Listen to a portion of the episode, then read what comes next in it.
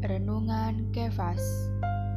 Menyerahkan diri untuk ditangkap. Lukas pasal 22 ayat 47 Waktu Yesus masih berbicara, datanglah serombongan orang, sedang muridnya yang bernama Yudas, seorang dari kedua belas murid itu, berjalan di depan mereka. Yudas mendekati Yesus untuk menciumnya. Kematian manusia penyelamat dimulai dengan dia ditangkap. Ketika Tuhan Yesus pergi ke Taman Getsemani, dia sadar bahwa dia akan ditangkap di sana. Meskipun demikian, sebagaimana dia mengambil inisiatif untuk pergi dari Galilea ke Yerusalem. Dia juga mengambil inisiatif untuk pergi ke Taman Getsemani. Manusia penyelamat tahu apa yang sedang dilakukannya dan langkah apa yang sedang diambilnya. Dia pergi ke tempat dia diserahkan kepada orang-orang yang akan datang ke sana untuk menangkapnya dan membunuhnya. manusia penyelamat tidak takut ditangkap. Sebaliknya, dia berani menghadapi situasi itu. Dan dia bahkan menegur kejahatan orang-orang yang menangkapnya. Sebenarnya, Tuhan tidak ditangkap. Sebaliknya, dia menyerahkan dirinya sendiri kepada orang-orang yang menangkapnya.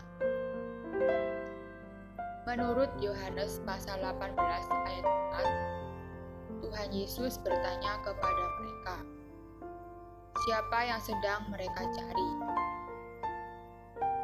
Ketika mereka menjawab bahwa mereka mencari Yesus orang Nazaret, katanya kepada mereka, "Akulah Dia." Catatan dalam Injil Yohanes selanjutnya memberitahu kita bahwa Ketika ia mengatakan itu, mundurlah mereka dan jatuh ke tanah. Ini menunjukkan bahwa sebenarnya mereka tidak menangkap manusia penyelamat.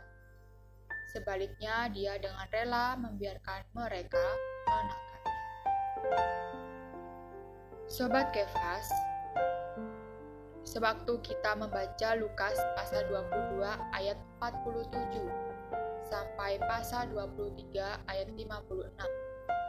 Kita perlu mengenal siapakah yang ditangkap, dihakimi, dan disalibkan ini. Orang yang ditangkap ini sesungguhnya adalah Allah, Allah dalam manusia.